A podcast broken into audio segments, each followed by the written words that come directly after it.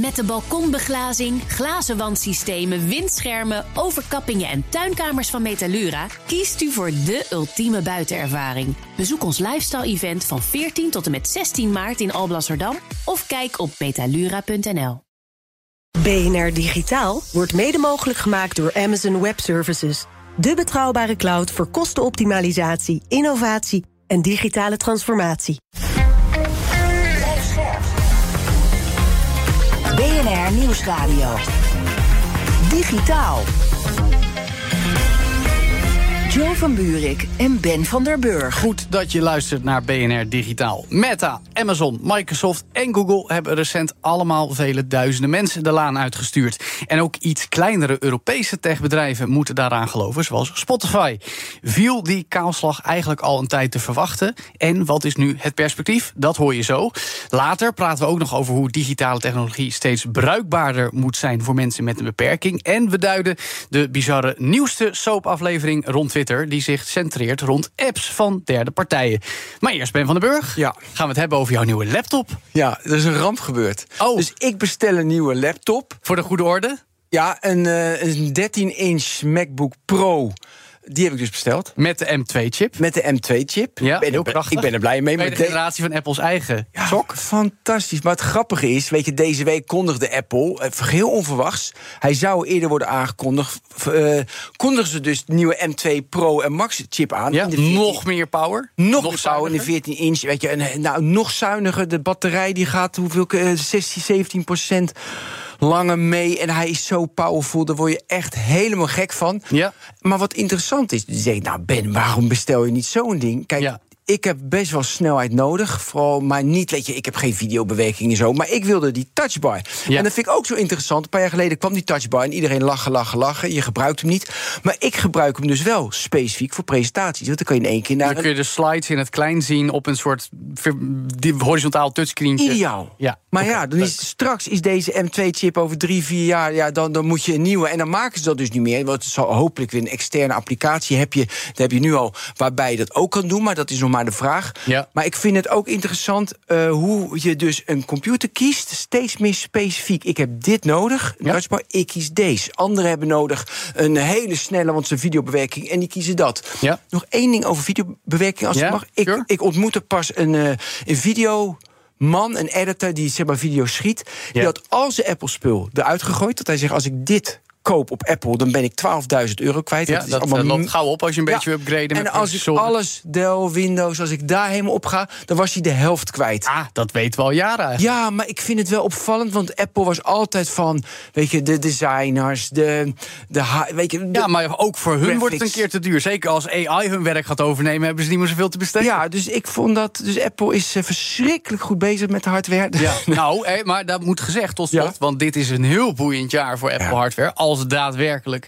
die lang verwachte slimme bril gaat komen. Ja, met mixed reality. Daar, daar was deze week ook eh, nieuws over. Ze willen hem ook goedkoper maken, zo duur als de iPhone. Ja, eh, zegt 14 Bloomberg allemaal, hè? Ja, precies, Bloomberg zegt het allemaal. Ehm, maar het duurt wel lang. Maar ja, je weet, als Apple met iets komt, dan werkt het vaak wel. Want Ja. met de Quest Pro, dat kan je alles over niet. Maar dan nog, eh, volgens de huidige geruchten van Bloomberg... moeten we dan de accu aan een heuptasje gaan dragen. Ja, apart hè? En dat is zo dik als twee telefoons op elkaar. Dat Ja. vind ik ook wel Zie je weer- het voor je? Eh, ja, ik zie het allemaal voor me. Ik heb daar heel veel, heel veel goede hoop op.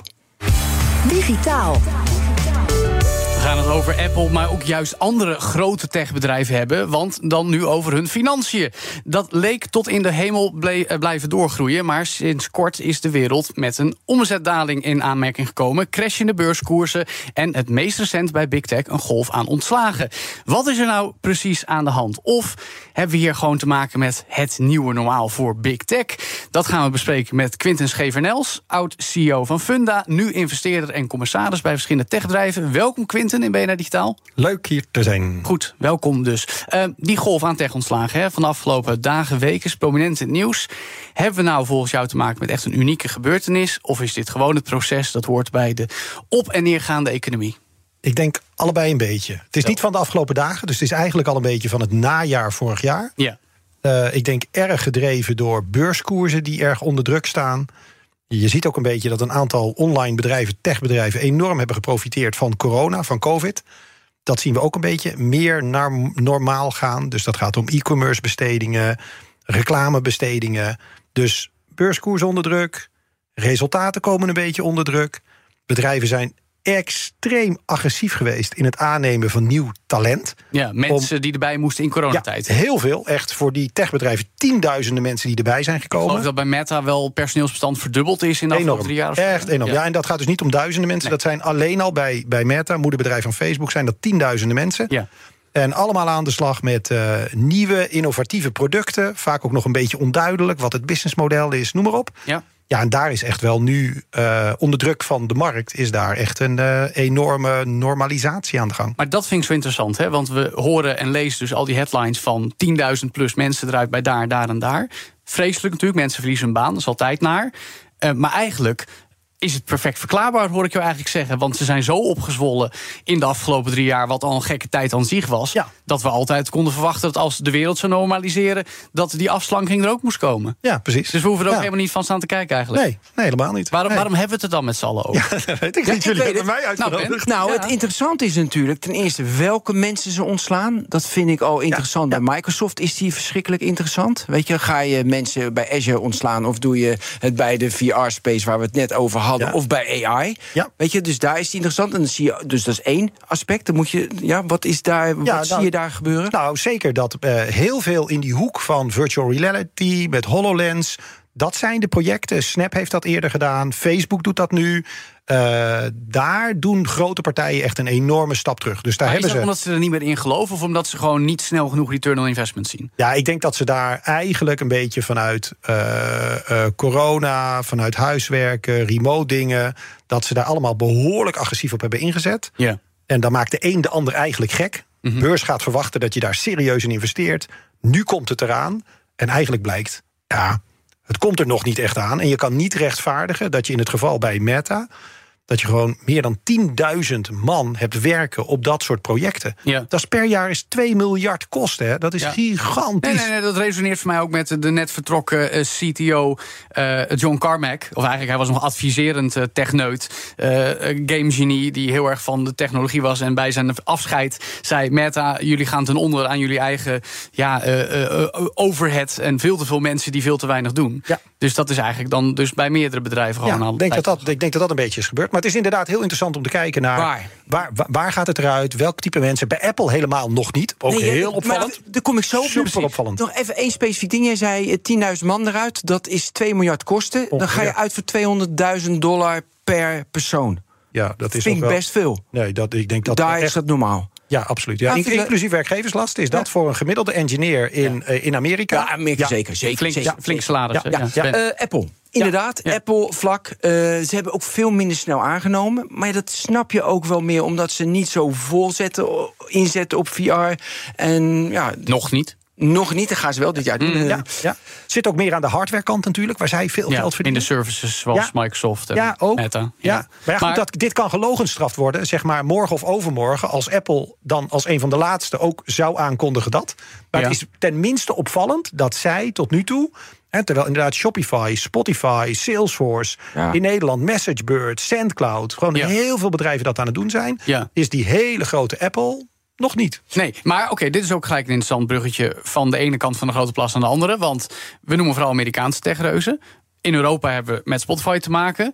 Ehm, maar hebben veel Europese techbedrijven nu dezelfde orde van grootte met problemen? Of valt dat nog mee? Nou, we, hebben in, we hebben natuurlijk sowieso in Europa... Zeg maar, de omvang van de Amerikaanse techbedrijven... zulke grote hebben wij eigenlijk Nee, uiteraard niet. niet. Maar, Maar, nee, va- valt, valt in Europa eigenlijk nog wel mee. ja, valt maar, wel is- mee. maar hebben die gewoon minder agressief mensen aangenomen de afgelopen drie jaar dan? Ja, da- ik, de- ik denk dat dat een rol speelt. Eh, ik denk ook dat de Amerikanen gewoon wat, wat sneller schakelen op dit vlak. Kun- Ze kunnen ook, ook een iets- flexibeler. Ja, Ze kunnen sneller schakelen. ja, dat is echt zo. Ja, dat kan veel makkelijker. Dat is veel minder duur eigenlijk dan als je dat bijvoorbeeld in Duitsland of in Nederland zou willen doen. Hè, dat is echt heel kostbaar.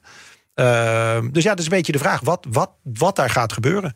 Ja. Heb je, dus bij Twitter hoorde je ook heel veel ontslagen natuurlijk met Elon Musk. En dat was gewoon, you are fired. En oh shit, die had niet ontslagen mogen worden. Je wordt, eh, ja, je wordt Ja, dus ook daar gaat het nog wel eens mis. Daar ondanks de soepele regelgeving. Heb jij, en bij Twitter ah, gaan we lachen, ook prima. Maar merk je ook bij die andere techbedrijven dat dat onzorgvuldig gebeurt? Dus hebben ze daar wel. Ja, zie je wel voorbeelden van nu. Ja, ja, las, van de week las ik een, een post op eh, LinkedIn. Ja. Iemand die werkte geloof ik 16 jaar bij Google. En die krijgt dan een, mail, gelezen, mailtje. Ja, Eh, gelezen. en eigenlijk na dat mailtje blijkt dus... sorry, je bent ontslagen. En kan niet meer inloggen, helemaal niks. Dus we waren Werkt ook- 16 jaar bij Google. Ja, maar dus ook niet zorgvuldig. Eh, Kijk, je moet natuurlijk altijd de slechtste moet je ontslaan, want daar heb je helemaal niks aan. Je moet met de betere doorgaan. Maar daar worden dus fouten in gemaakt als je zo'n massa-ontslag doet. Ja, ja, en dit gaat natuurlijk, omdat het om zulke aantallen gaat... is het ook heel erg lastig om dat goed te coördineren. Ja. Waarschijnlijk, het is zo gevoelig... je wil ook niet dat te veel mensen in het bedrijf het van tevoren al weten... want dan gaat het lekken. Dus het is helemaal niet makkelijk om dat te doen. Maar ja, iemand die er 16 jaar werkt en dan via een mailtje... dat is wel... eh, Maar kun jij ons dan een beetje inzicht geven in hoe zo'n gedachteproces gaat? Weet je wel, is dat gewoon de CEO gaat met zijn afdelingshoofd Met zijn zitten en ja. Nou, daar moeten we snijden, daar moeten we snijden. En dat zit? Gewoon bottenbel? Of, of wordt er nog iets meer gekeken? Nou, die performt wat minder. En, en ik zie je denk, nee, nee, nee. Ik denk bij, bij dit soort enorme aantallen... Dat, je, dat, dat kan je niet met een zeef doen, zeg maar. Dat je Nee. heel selectief bent. Nee. Dus dat zijn echt gewoon eh, grote projecten die gestopt worden. Zelfs Eh, mensen die eigenlijk consequent triple-A-beoordeling hebben gekregen, moeten dan ja, gewoon weg. Ja, misschien dat ze daar dan nog een beetje naar kijken. Dat die net een ander bericht krijgen van... eh, we gaan kijken of we een andere plek voor je hebben. Maar ik vrees dat bij zulke aantallen... dat je het niet heel fijnmazig kan doen. Dat het echt is gewoon... eh, de vestiging in eh, Amsterdam gaat dicht en eh, dit project stopt. En eh, iedereen die in dat project zit... ja, vanaf nu houdt het gewoon op. Ja. Maar het is dus niet zo, je werkt eh, bij Meta aan de, aan de onboarding voor VR, ik noem maar wat. Weet je, en daar werken zeg maar 50 man bij. Is best wel handig om daar een team van vijf man te houden. Dat niet tegen die lead wordt gezegd van, nou ja, eh daar moet eh 45 man uit. Dat Ja. lijkt mij het meest. Ja, ja, nou ja, zo zou je het idealiter zou je het doen. Maar, Maar als dat- het om, om, om 15.000 man gaat, wordt dat gewoon heel erg lastig om te doen. Dus ja, ik zat ook een beetje denken, hoe, hoe zou ik dat dan doen? Ja, dat hangt er ook een beetje vanaf. Uh, hoeveel haast heb je ermee? Uh, hoeveel mensen kan je erbij betrekken? Als je een klein teampje hebt, dan kan je met vier, vijf managers zitten. Haal je HR erbij, kan je dat redelijk coördineren. Maar als het hier in één keer gaat om allerlei vestigingen door de hele wereld heen... met vier, vijf lagen onder je, dat wordt wel heel moeilijk hoor. Quinten, jij bent investeerder. Je houdt je ook bezig met techbedrijven in Nederland. Hoe, hoe gaat het hier in dat op, eh, opzicht? Ja, eigenlijk qua, eh, qua werkgelegenheid mer- merk ik dit nog helemaal niet. Ik Nee? moet natuurlijk wel zeggen, ik investeer in relatief jonge bedrijven. Dus dat is vaak, eh, zitten ze daar met vijf of tien of misschien vijftien man personeel. Met dan het idee dat ze natuurlijk hard moeten gaan groeien. Mhm. Echt start-ups, nog geen skill-ups dat betreft. ja, nee, dat gaat een beetje. Als het dan goed is, dan is dat één, twee jaar later. me- Mede zeg maar, met de hulp van de funding die ik dan zelf inbreng. Mhm. Dat dat dan scale-ups moeten worden. Daar zie ik dat eigenlijk nog helemaal niet. Wat wel echt een verandering is, die je sinds een jaar ziet. Is dat ehm, waarderingen zijn heel hard naar beneden gegaan. Rente is natuurlijk wat omhoog gegaan. Dat heeft echt serieus impact hoe, op hoe makkelijk het is om nieuw geld op te halen. Dus dat heel veel founders, en ik denk dat dat heel verstandig is, veel meer kijken naar hoeveel cash, hoeveel kapitaal hebben we nog in het bedrijf. Hoeveel maanden kunnen we daarmee vooruit? Waar twee jaar geleden kon je prima gas geven. En als je nog voor zes maanden cash had, dan lukte je het echt wel om nieuwe funding op te halen. Dat is nu een hele riskante strategie. Dus dat zie je eigenlijk niet meer gebeuren. Dus er wordt wat dat betreft wel in de groei wordt er ietsjes meer gekeken naar financieel gezonde groei. En niet groei ten koste van alles. Omdat dat in het huidige economische klimaat best wel riskant is. Ja. Dus daar zit iets meer, misschien dat de groei daardoor ietsjes minder hard gaat. Ja, maar ik zou me kunnen voorstellen. Ik bedoel, Amerika is durfkapitaalland natuurlijk. Weet je wel, Eh, leuk idee en je hebt zo'n paar miljoen binnen. In Europa, Nederland, stukken lastiger. Is dat een voordeel? Dat omdat de boel is afgekoeld, dat het meer gedegen moet zijn, dat het misschien een kans biedt voor Nederlandse bedrijven? Ja, ik denk sowieso wel dat het goed is dat die waarderingen. Hè, de, eh, ik ontmoet wel eens founders die dan dit een beetje voor de eerste keer meemaken. En die denken dat de afgelopen drie, vier jaar dat dat normaal was. Hoeveel geld er beschikbaar was en hoe hoog de waarderingen waren. We gaan nu wel een beetje meer naar een wat normalere situatie. Ik denk dat dat op zich heel gezond is. En als heel veel waarderingen bij bedrijven in Nederland veel minder opgeblazen zijn geweest, dan loopt er nu ook wat minder lucht uit. Dus daar, daar heb je dan wel wat voordeel van. Ja. Maar ik Ja. verwacht wel dat we ook gewoon, eh, eh, nou ja, dus zeg maar. De- economische situatie blijft gewoon heel erg onzeker. Dus ik verwacht ook wel dat we bij de middelgrote, wat kleinere techbedrijven.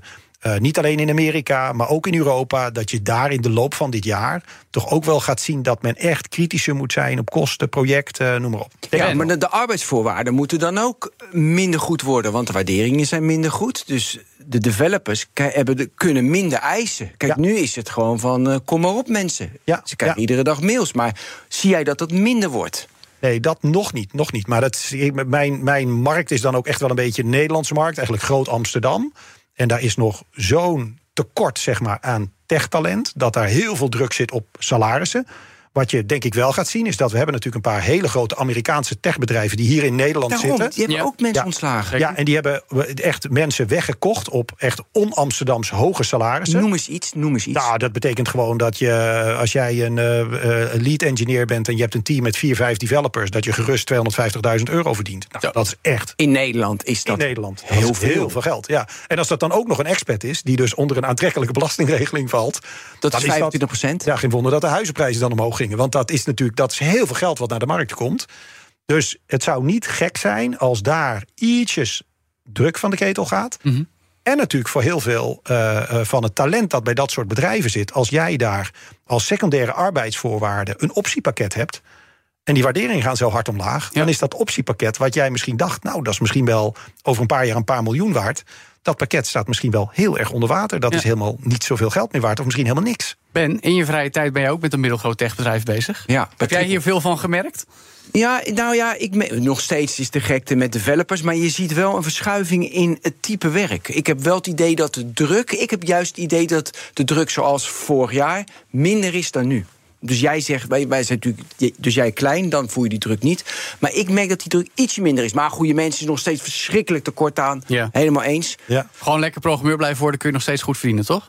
Oh, zeker. Ja, zeker. zeker. Maar jongens, even 250.000 euro voor, een, voor een lead engineer met vier mensen in zijn team. Slaat helemaal Nee, nee. nergens op. Nee, nee, maar we hebben echt een paar van die grote bedrijven. Uber, Miro, Netflix, Booking. Die gewoon in Amsterdam extreem veel betalen. En die slopen Nederland, hè? Ja. Die slopen echt.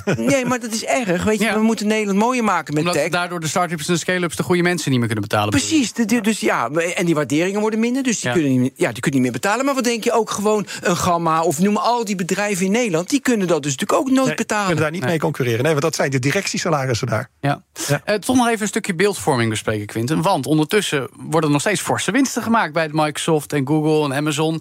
Maar die ontslagen die gebeuren wel met grote aantallen. Ehm, dat is eigenlijk gewoon eh, een feestje voor de aandeelhouders. En, en, en de mensen, ook al hadden ze misschien een redelijk dik salaris, hebben het nakijken. Of, of moeten we het niet zo cynisch ki- bekijken? Nee, dat denk ik niet. Het is natuurlijk niet zo dat je moet wachten met ingrijpen tot je verlies maakt. Hè. Nee, als je nee, als nee. bedrijf, dit soort bedrijven maken echt miljarden winst. Eh, dan betekent het verschil tussen 6 miljard winst of 3 miljard winst. Dan heb je een enorme winstval. Dus dan wordt wel verwacht, zeg maar, dat je als bestuur, als CEO, dat je daar echt wel gaat ingrijpen. Wat ga je daaraan doen? Ja, Ja. Of je kan je aandeelhouders zo bespelen dat je zegt van gasten, ik ben met de lange termijn bezig, koop mijn aandeel. Hè? Dat zou kunnen. Dat, Da- zou kunnen. dat is een Ja. hele belangrijke taak. Ja, ja, Jij maar als ex-CEO van Funda. Ja. Ja. jij moest ook iedereen Ja. bewerken. Hou op, hou op. Ja, nee, maar goed, oké, even over Microsoft dan. Hè? Want eh, ondertussen hebben we wel ook net eh, eh, dat ze miljarden, volgens de berichten 10 miljard dollar in OpenAI gaan steken. Ze zijn nog steeds met de overname van Activision Blizzard bezig. 70 miljard dollar. Al die bedragen moeten dus nog steeds uitgegeven worden. Of, of die staan al half in de boeken. Ehm, en ondertussen worden er zoveel mensen uitgezet. Dat, Ja. dat blijft toch raar. En ik zie ook analisten, misschien niet de beste analisten, die daar boos over zijn. Ja, maar is dat een- gegrond? Nou, nee, ik denk dat is een, een herallocatie van je resources, om het heel plat te zeggen. Dus dat Ja. betekent gewoon dat je op een gegeven moment kritisch gaat kijken. Nou, oké, als dit is hoe de markt zich ontwikkelt, als we meer keuzes moeten maken, dat eigenlijk kapitaal, ondanks dat het natuurlijk enorme bedragen zijn, Hmm. maar dat het niet meer zo ruim voorradig is als het voorheen voorradig was, moet je gaan kiezen welke projecten doen we wel, niet. Nou, overduidelijk.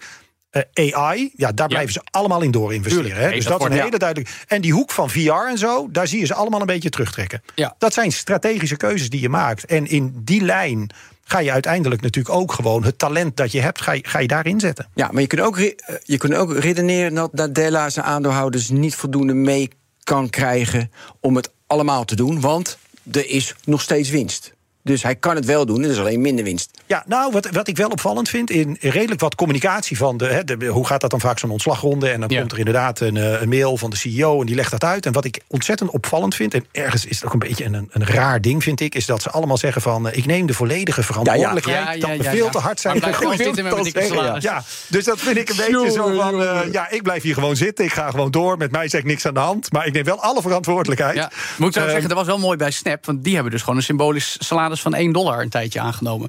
Evan Spiegel. Ja? Dus dat, da- da- daar Ja, doen ze doen dan er weer wel misschien wat beter. Ja, nee, maar, eh, dat, maar dus dat is best wel. eh, maar wat ze daar eigenlijk wel mee zeggen, ik denk dat ze zich ook allemaal wel realiseren dat ze zich een beetje gek hebben laten maken. Dus dit het niet alleen is.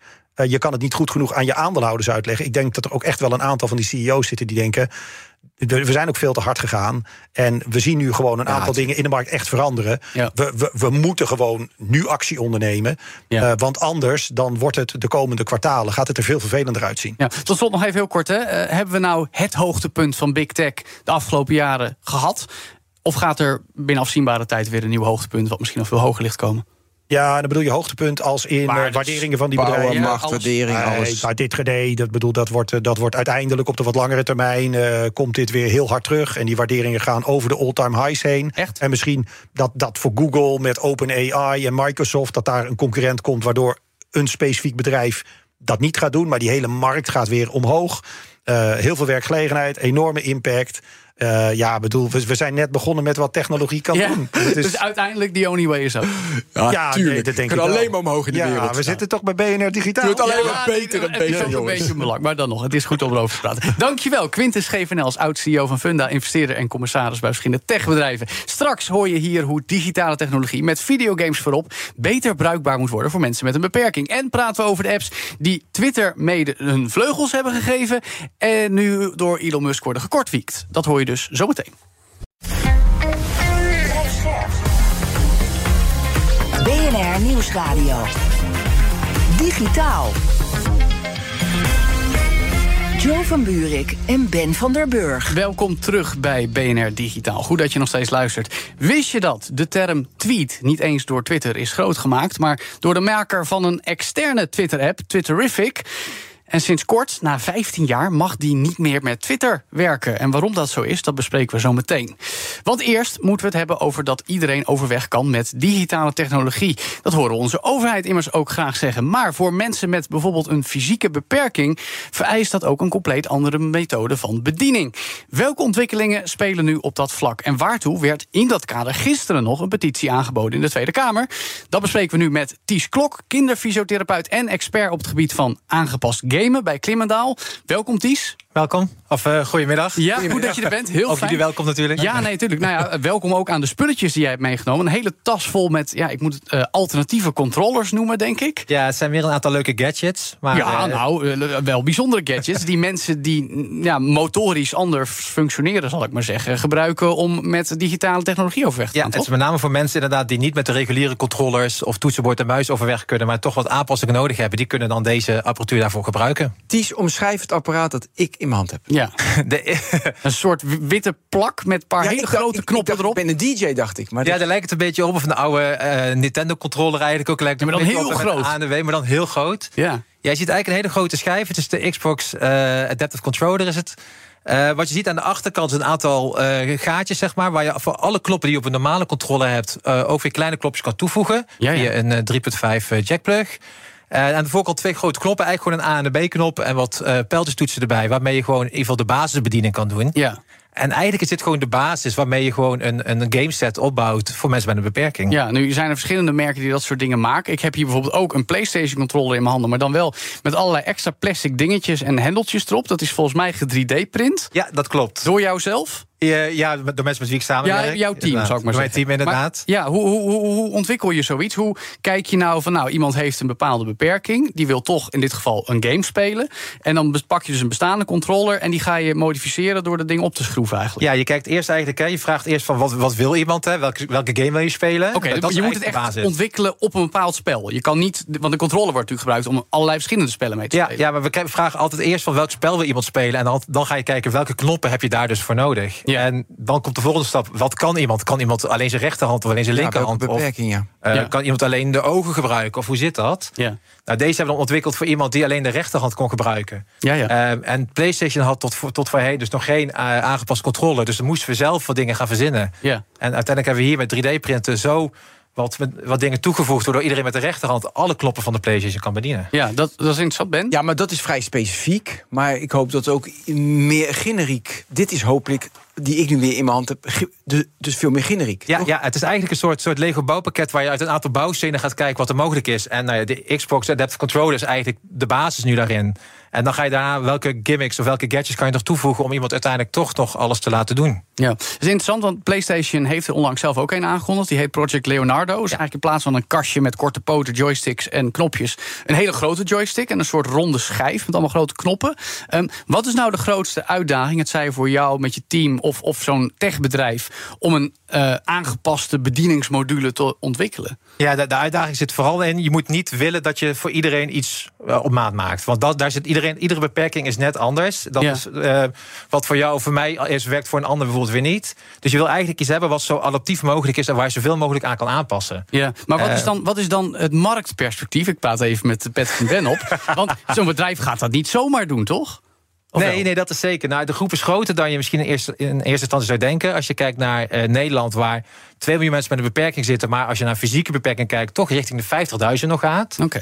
Kijk je naar, eh, dat is alleen in Nederland. Dus Ja, pas, ja, hè. ja, Dus ja, kijk naar ja. in Amerika en ook in Europa en ook breder. Zijn dat, is dat best een stiekem een best wel grote groep. En gaat het echt wel om miljoenen. Ja, maar is wel welke fysieke beperking. Hè? Dat, dat is natuurlijk heet het moeilijk. Maar goed, de schaal is er soms. En ik denk heel erg gewoon voor sociaal. Ja, het gaat meer op de maatschappelijke waarde. maatschappelijke denk ik, de denk dat een Xbox of een PlayStation niet rijker van wordt. Nee, maar dat moet je ook niet willen. Is het eh, echt een stukje maatschappelijk ondernemen? Ja, nu is het toevallig deze week op woensdagavond de Game Accessibility Conference and Awards. Wat voor soort prijzen worden daar dan uitgereikt? Ja, dat zijn prijzen voor. Nou, eigenlijk in de breedste zin van wat er het afgelopen jaar is ontwikkeld of gedaan op het gebied van, eh van gamen voor mensen met een beperking.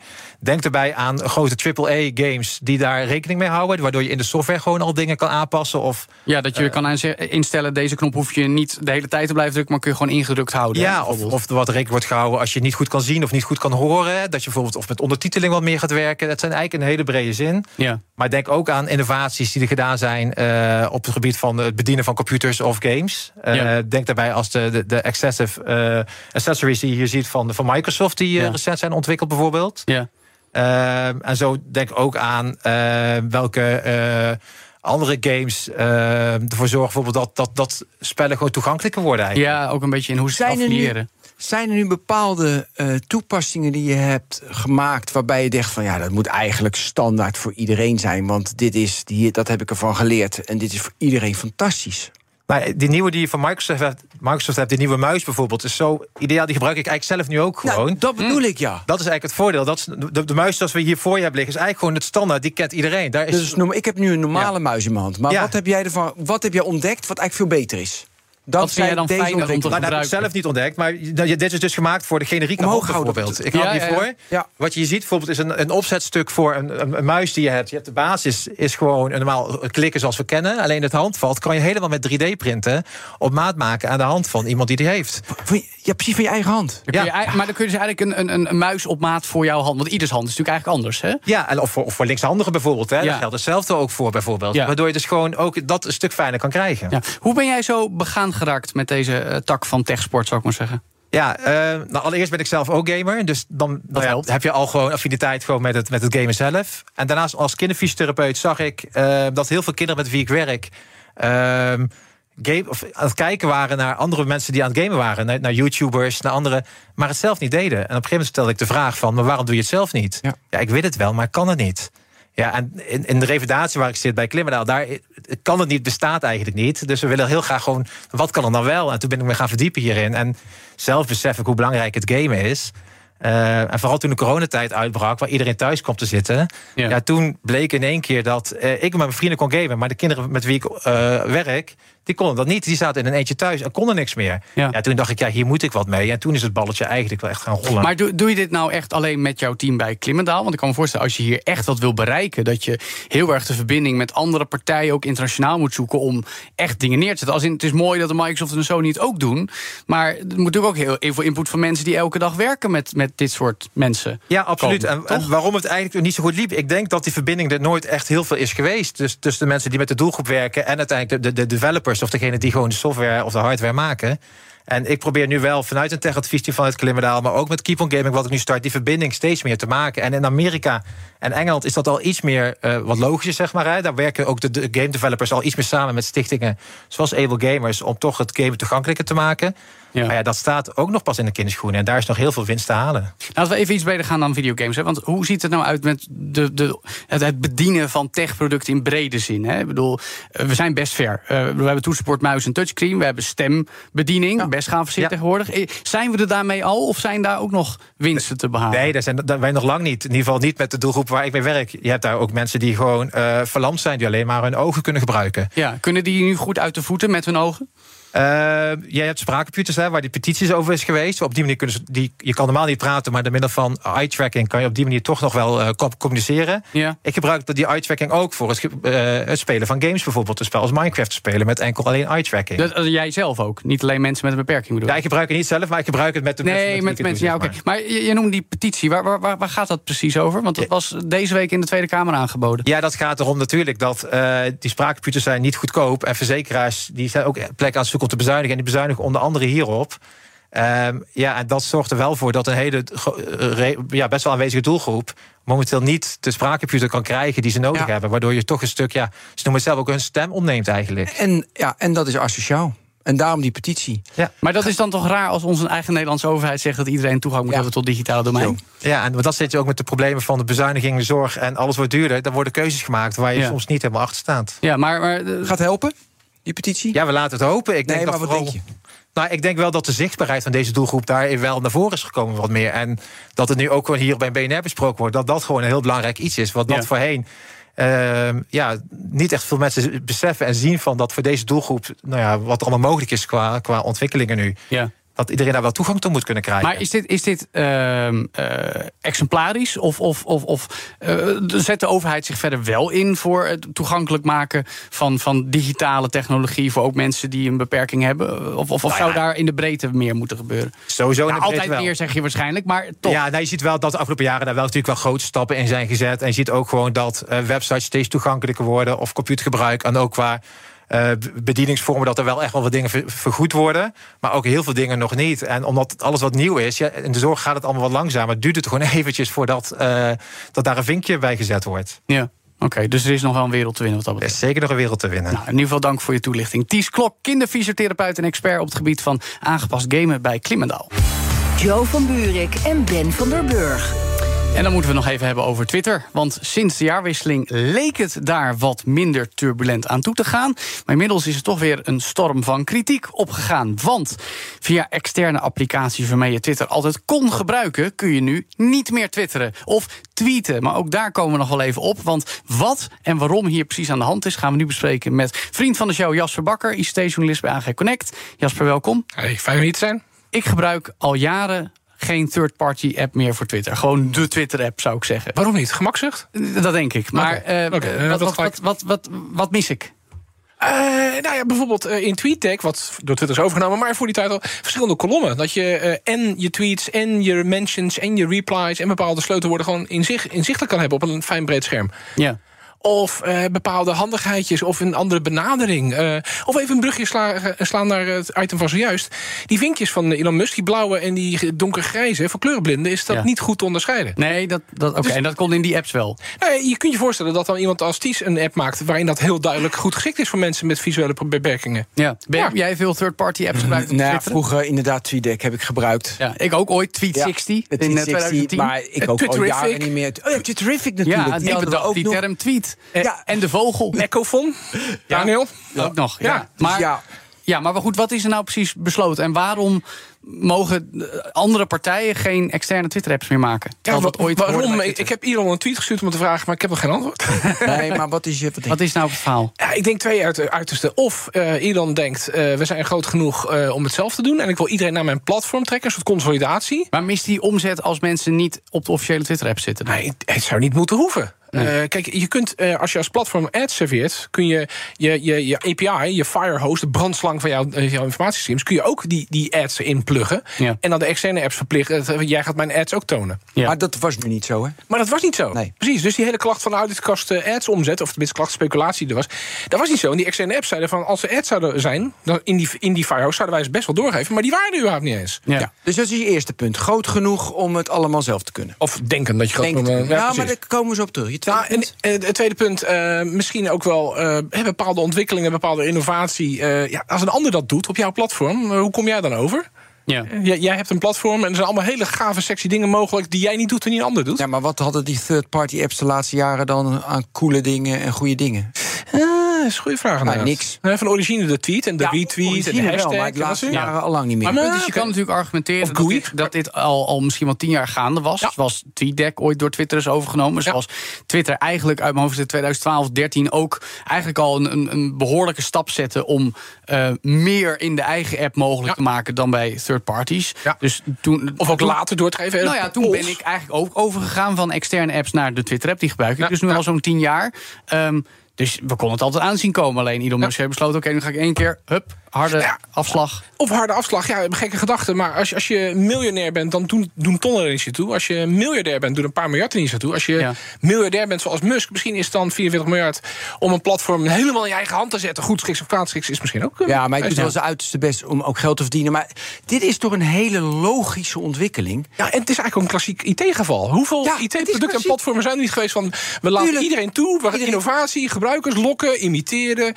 Ja. afsluiten, Het is- afpakken. Daarom. Ja, Dus het is heel logisch. En Ho, dan sluit je het. advocaat van de duivelvraag. Gaat dit dan niet iets betekenen voor de innovatiemogelijkheden bij Twitter? Omdat juist een heleboel innovaties in het ecosysteem werden uitgevonden en naar Twitter toe worden getrokken. Als je zegt van nou, jij mag niet meer meesurfen op onze golven, dan kun je ook niet meer daar de innovaties laten Nou plaatsvinden. ja, Ben zei, de laatste tien jaar heb ik weinig innovaties gezien. Maar laat het even omdraaien. Misschien innovaties voor anderen. Sommige Twitter-gebruikers zijn naar die olifant gegaan. Mastodon. Mastodon, ja. Waarvan de client, de officiële client, is niet zo dender. Dan heb je nog Metatext. Dat is schijnbaar wel een aardige applicatie Ja, die- voor mobiel. ja, die gebruik ik. Die gebruik jij precies. Maar nu een van de grote gebruiksvriendelijke iPhone-apps voor Twitter. Die heeft gezegd, ja, laat maar zitten, we kappen ermee. En die tien jaar ervaring die wij hebben in gebruiksvriendelijkheid... in aanpasbaarheid voor een Twitter-client... dat stoppen we nu in Ivory voor Mastodon. Ja. Ik zeg niet dat Mastodon nu dus net zo groot gaat worden. Nee, nee, nee, maar nee, zo hard zal het niet gaan. zo hard zal het niet gaan. Maar het idee van een gebruiksvriendelijke client... waarmee dus een platform weer toegankelijk is... net zoals Twitter in de begintijd. De Ja. Twitter-app oorspronkelijk was... ja, Nee, nee, nee, natuurlijk. Dat was ook een van de redenen waarom Twitter eh, eigenlijk gewoon decentraal aandeed in het begin. Precies. Omdat het ook gewoon een, een protocol was waarop al die apps konden inprikken. En dat je dus zelf iets kon gebruiken wat jij vindt. Dat zie je natuurlijk bij Mastodon nu met verschillende apps. Maar het, het feit dat dat nu bij Twitter echt weggaat. Hè, wat ik zei, een paar jaar geleden, een aantal jaar geleden had je al de situatie dat het. mm, Puur qua functionaliteit, gebruiksvriendelijkheid zou ik eigenlijk. Ja, dat Twitter, de officiële Twitter-app prettiger werd. Nou, nu is er dus echt een, een harde streep eigenlijk gezet Ja. door al die, die third-party apps. Gaat dat, gaat dat Twitter heel veel gebruikers kosten, denk je überhaupt? Ik denk niet heel veel.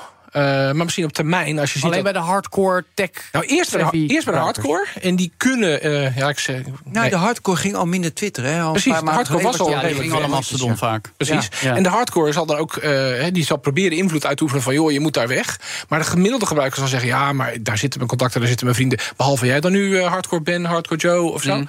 Maar als op een gegeven moment zo'n zo'n hardcore influencer ziet van nou de, de apps voor de andere platformen, of het nou Mastodon is of iets heel anders, eh, dat is nu goed genoeg voor ook de gewone gebruiker die eerst naar Mastodon gekeken had en die zegt van ah nee, dat ziet er echt, ja, dat is iets voor jou, maar niet voor mij. Ja. Dan kan dat wel weer een, een, een aanzuigerwerking hebben. Ja. Maar gaat het massaal? Nee, het is death by a thousand cuts misschien wel. Nou ja, oké, maar laten we dan ook even over de huidige Twitter-app hebben. Want sinds kort heb je daarin twee timelines. Eentje met alles wat wordt aanbevolen en eentje voor alleen de mensen die jij volgt. Als in, het was altijd al, maar nu is een hele duidelijke scheiding. Ja. Eh, het ene moment vind ik dat persoonlijk vreselijk. Want dan heb ik pas na twee minuten door dat ik niet de timeline aan het be- bekijken ben met mensen die ik volg. You. For maar you. de algoritmische tijdlijn. Precies, precies. you, Joe. Ja, maar dat deed Instagram een half jaar geleden ook. Omdat TikTok dat heel goed doet, Ja, volgens yes. sommige mensen. En daar was ook een golf van kritiek over. En bij mij is die golf van kritiek dan niet richting Twitter, want ik twitter nog steeds. Maar ik denk van, verdorie, nu zit ik weer altijd in een, in een lijst van Ja, dingen en- die, en waar daar ik niet om gevraagd En heb. daar zit Musk geld in. Want jij bent Ja, natuurlijk maar niet... is dat zo? Ben jij de klant? Is daar, ja, maar is daar echt. eh, Is, is dat een, een, een, een valide toekomstperspectief voor Twitter om te denken, die algoritmische tijdlijn, daar gaan we volop in. Ik weet, Ben, jij bent fan. Ik ben, ja, Joe, jij snapt, er helemaal niks van. Ja, ik wil gewoon mensen volgen die ik wil volgen. Ja, maar goed, maar dat is ook weer het specifieke gebruik. We hadden net over Apple, helemaal in het begin een specifiek gebruik. Kijk, ik vind het fijn met Twitter, gebruik ik om dingen te zien. Ik denk, hé hey, shit, dat had ik nog nooit gezien, wat leuk.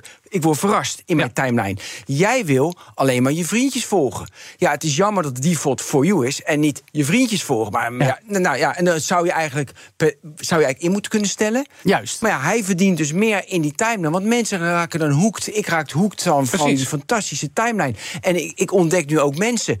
Hele goeie, die hadden, wa- was inderdaad een Tesla, hoort de twitteraar. Die Hm. kan ik nu subscriben. En ik zat echt, dacht ik van zo, jij hebt zulke goede... Ja, maar dan is het dus Nou, en- misschien ook de kwestie van of het algoritme goed bij persoon X, Y of Z werkt. Want ik zie dan tweets en ik denk, ja, maar dit wil ik helemaal niet zien. Want nu heeft het algoritme bedacht dat ik dit moet zien. Jij moet het algoritme beter off. trainen. Je moet beter, je, je moet beter Elon Musk helpen. Ja, Ja, en daarom zijn de Dus- externe apps ook gekild. Want de externe apps zouden dan een app voor Joe maken... waarin gewoon die hele For You eh, niet alleen uitschakelen valt... maar gewoon er niet is. En Ben zit goed op de, op de Twitter-app... en krijgt altijd algoritmisch dat voorgeschoten. Dat everybody happy. Behalve Elon, die Joe ook aan het algoritme wil hebben. ja. Ja.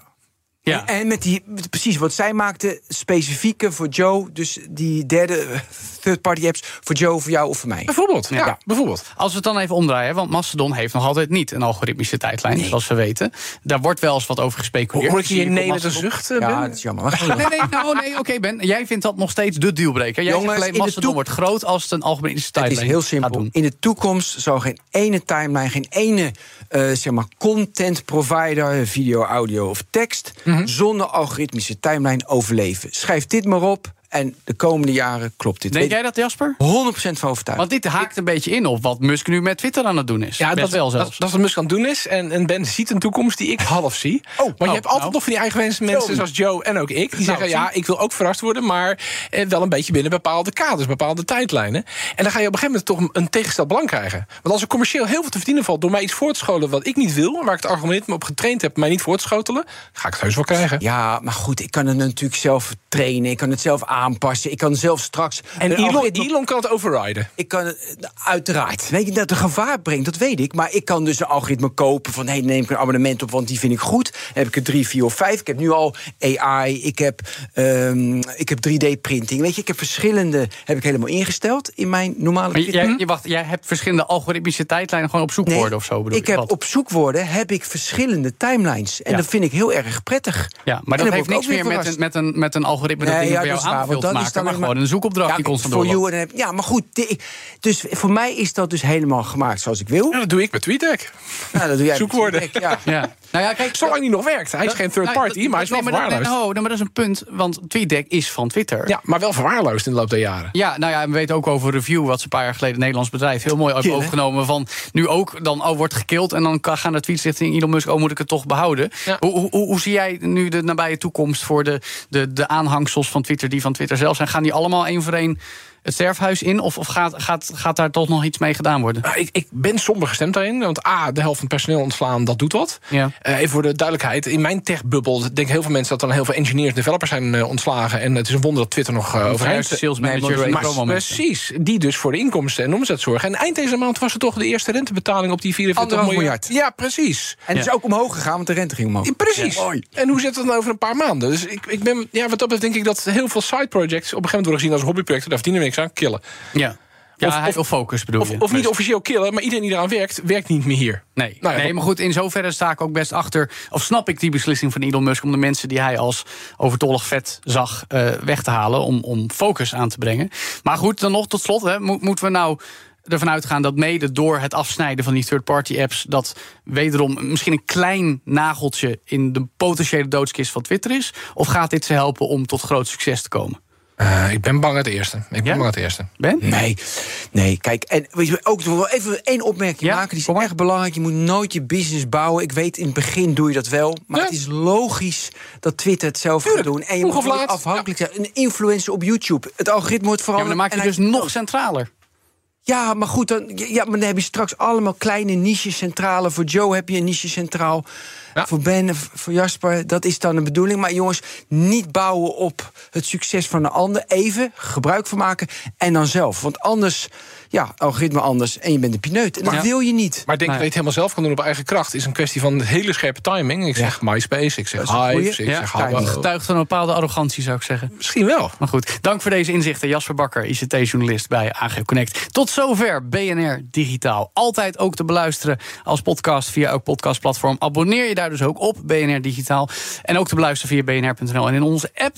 Daar vind je bijvoorbeeld ook de Tech Update en All in the Game over videogames. En de Technoloog met Ben. Een deze week. Fantastische aflevering over de geopolitieke perikelen rond ASML. Alles over chips. Dat blijft maar spelen, EUV, ja, dat is echt super boeiende aflevering. Nou, Allemaal luisteren. Ga Technoloog. luisteren, de Technoloog. En komende woensdag weer een nieuwe BNR Digitaal. Dus zeg ik tot volgende week. Dag. BNR Digitaal wordt mede mogelijk gemaakt door Amazon Web Services. De betrouwbare cloud voor kostenoptimalisatie, innovatie en digitale transformatie.